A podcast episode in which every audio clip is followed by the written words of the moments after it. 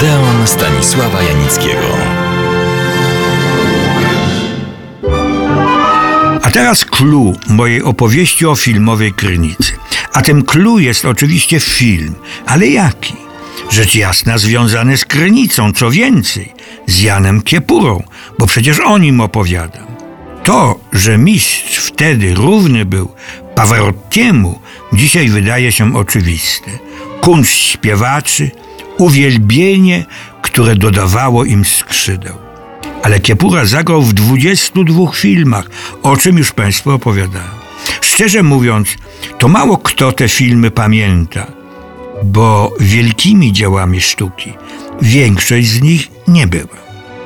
W polskich filmach, nie biorąc pod uwagę mikroskopowego debiutanckiego udziału w filmie O czym się nie myśli, nie grał ale jednak w historii polskiego przedwojennego filmu się zapisał w zaskakujący sposób.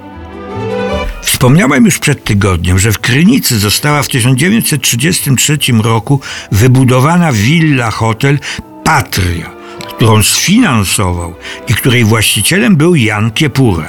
Istnieje ona po dziś. Po wojnie została upaństwowiona i zamieniona w sanatorium. Jako takie funkcjonuje po dziś dzień. I cóż za związek ma to z polskim filmem? Ma, bo to w tej willi hotelu Jana Kiepury zrealizowana została większość zdjęć do głośnego przed laty, a dziś chętnie oglądanego filmu Książątko. Grają w nim znakomici nasi przedwojenni aktorzy. Przede wszystkim przesympatyczna Karolina Lubieńska, oraz męski na ekranie niezadowolony i niespełniony Eugeniusz Bodo, ulubieniec publiczności, który swoje życie zakończył tak tragicznie. Obok nich przekomiczny, choć nieszczęśliwy, bo odrzucony przez wybrankę Stanisław Sielański, czy równie zapobiegliwy, co dbający o ład i porządek dyrektor hotelu Patria Antoni Fertner. A o co chodzi?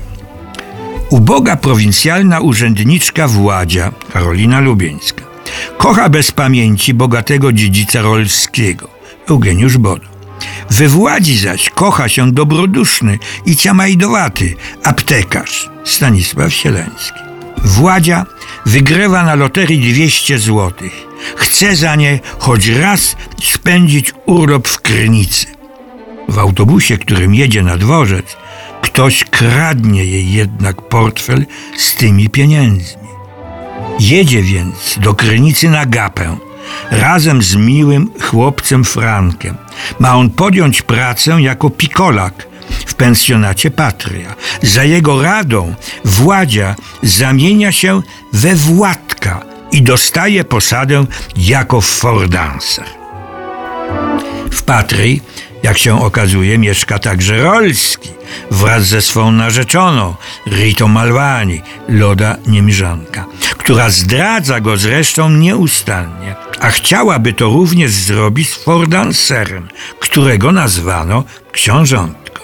Po licznych nieporozumieniach i intrygach Rolski i Władek piją bruderschaft, który daje Rolskiemu do myślenia.